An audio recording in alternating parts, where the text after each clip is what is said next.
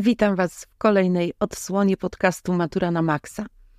Dzisiaj powtórzymy sobie renesans, ale najpierw intro. To jest Matura na Maxa. Podcast z języka polskiego dla maturzystów. Prowadzi egzaminator Marta Zdanowska.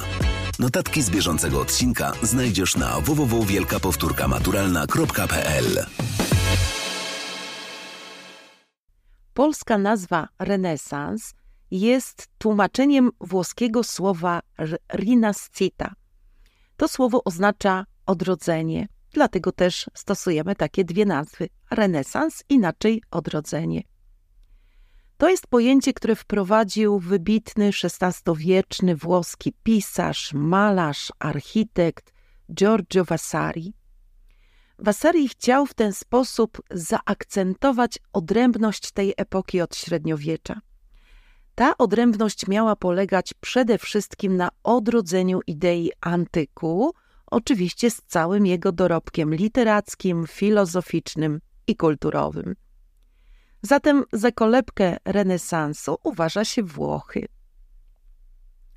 Jeśli chodzi o czas trwania epoki, epoka ta trwała niejednolicie od XIV wieku we Włoszech, w Polsce i w Europie od XV wieku do przełomu XVI-XVII wieku. Zatem czas trwania renesansu to około 200 lat, jeśli chodzi o Włochy, i około 150 lat Europie. Filozofia epoki. W tym okresie popularność zyskuje Platon i jego filozofia. Renesansowy neoplatonizm odegrał bardzo ważną rolę w przewartościowaniu świata y, średniowiecznych koncepcji.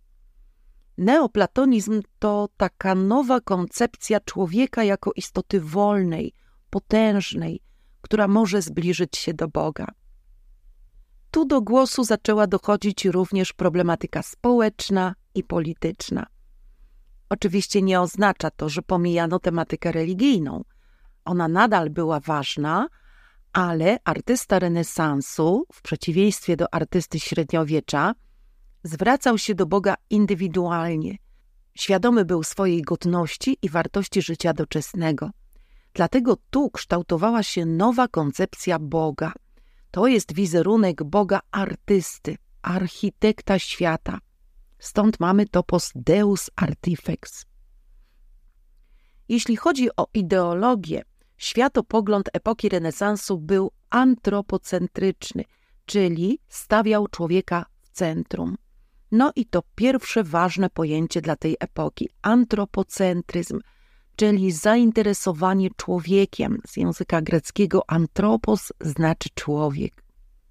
Renesansowi artyści, myśliciele, filozofowie zaczęli analizować zagadnienia takie jak pozycja człowieka w świecie, przeżycia wewnętrzne, człowiek wobec śmierci, wobec Boga, no i zainteresowali się również światem, w którym żyją, czyli przyrodą, obyczajowością, kulturą.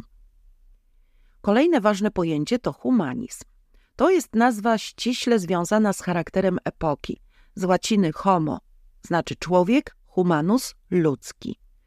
Humanizm przynosi fascynację człowiekiem i wszystkimi sprawami związanymi z życiem ludzkim. Korzeniami humanizm tkwi w antyku i to właśnie wzorce antyczne wpłynęły na ukształtowanie się ideału renesansowego humanisty, czyli człowieka odważnego w poszukiwaniu prawdy, uniwersalnego, wszechstronnie wykształconego, społecznie zaangażowanego, oddanego ojczyźnie patriotę. Naczelnym hasłem humanistów stały się słowa rzymskiego komediopisarza Terencjusza: Człowiekiem jestem, nic co ludzkie nie jest mi obce.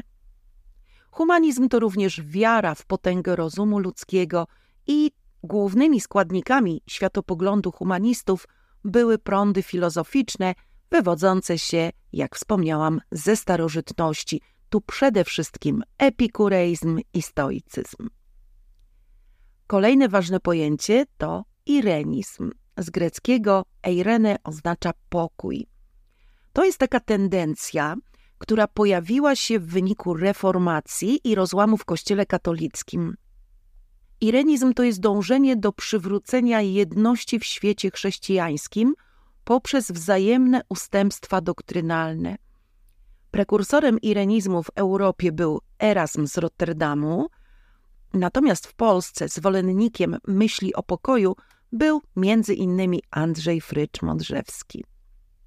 I kolejne ważne pojęcie reformacja to jest ruch religijno-społeczno-narodowy, który ma na celu reformę doktryn i praktyk znajdującego się w stanie kryzysu Kościoła rzymskokatolickiego.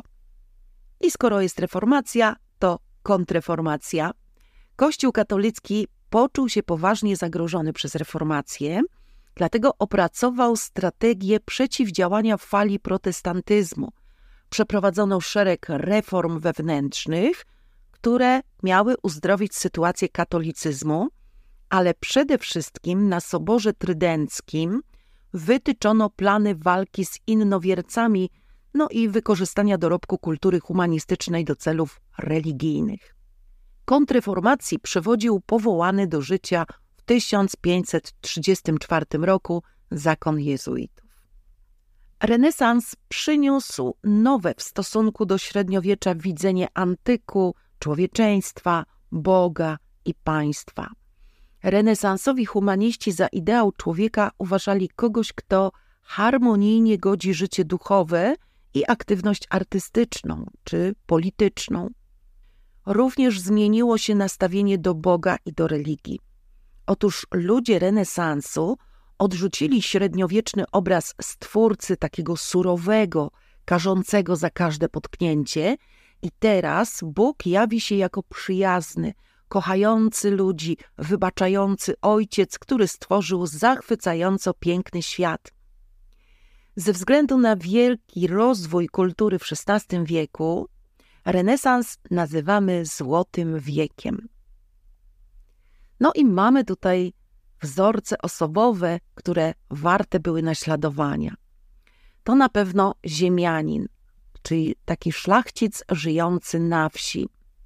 To, jest, to był człowiek, który czas spędza na zarządzaniu swoim majątkiem, żyje przy tym w harmonii, w umiarze, czyli zgodnie z horacjańską zasadą złotego środka. Bardzo dobrze zna swoje posiadłości, mądrze nimi gospodaruje. No i nie tylko dogląda prac, ale zdarza się, że samodzielnie też wykonuje te prace. Nie jest zbyt dobrze wykształcony, ale za to jest cnotliwy, dba o rodzinę, ufa rozumowi i naturze i żyje zgodnie z cyklem pór roku, zatem wiedzie takie uporządkowane, spokojne życie. Kolejny wzorzec osobowy to dworzanin, czyli szlachcic żyjący na dworze.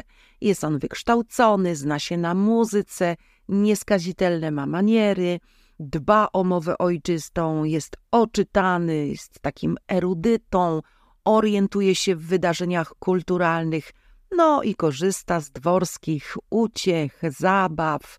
Króla darzy ogromnym szacunkiem, posiada też umiejętności flirtowania z kobietami i wyróżnia się poczuciem humoru i taką ogładą towarzyską. Kolejny wzorzec osobowy to patriota. To jest człowiek, dla którego bardziej niż własne sprawy liczy się los i dobro ojczyzny. On jest gotowy poświęcić dla kraju czas, majątek, a jeśli trzeba, to i życie. I wreszcie poeta doctus, czyli twórca renesansowy, człowiek wszechstronnie wykształcony, uczony, zna się na kulturze, na sztuce, jest y, wszechstronnie wykształcony, wyróżnia się tolerancją, otwartością, dążeniem do ciągłego rozwoju. Do tego wzorca osobowego zaliczano artystów, wynalazców, uczonych, medyków i innych. W renesansie możemy wyróżnić charakterystyczne tematy. Otóż twórcy renesansowi poświęcali sporo uwagi życiu świeckiemu i stosunkowi człowieka do państwa. Literatura inspirowana była kulturą antyku i nawiązywała do starożytnych modeli etyki, do stoicyzmu, do epikureizmu. No i takie charakterystyczne tematy podejmowane w tej epoce to na pewno Bóg. Aby przedstawić Boga, twórcy renesansowi przywoływali antyczne toposy, na przykład Deus Faber, czyli budowniczy świata, Deus Artifex, czyli stwórca i Deus Rex, czyli król. Obywatel to również charakterystyczny temat. W renesansie częsta jest refleksja o państwie, o władcy, o obowiązkach obywatela. I również związek człowieka z przyrodą. Tu akcentuje się antropocentryzm i harmonię między światem stworzonym a człowiekiem. Mamy też kilka takich charakterystycznych motywów, które możemy w renesansie zauważyć, na przykład motyw fortuny i wolnej woli, motyw cierpienia, motyw miłości, władzy. Analizując teksty literackie z renesansu, po prostu szukaj w nich wszystkiego, co dotyczy człowieka. Tyle dzisiaj. Pamiętaj, że notatki z tego odcinka dostępne są na naszej stronie internetowej i tam znajdziesz więcej informacji. www.wielkapowtórkamaturalna.pl Szukaj nas również na Instagramie i TikToku. Do usłyszenia w następnym podcaście, na który serdecznie Was zapraszam.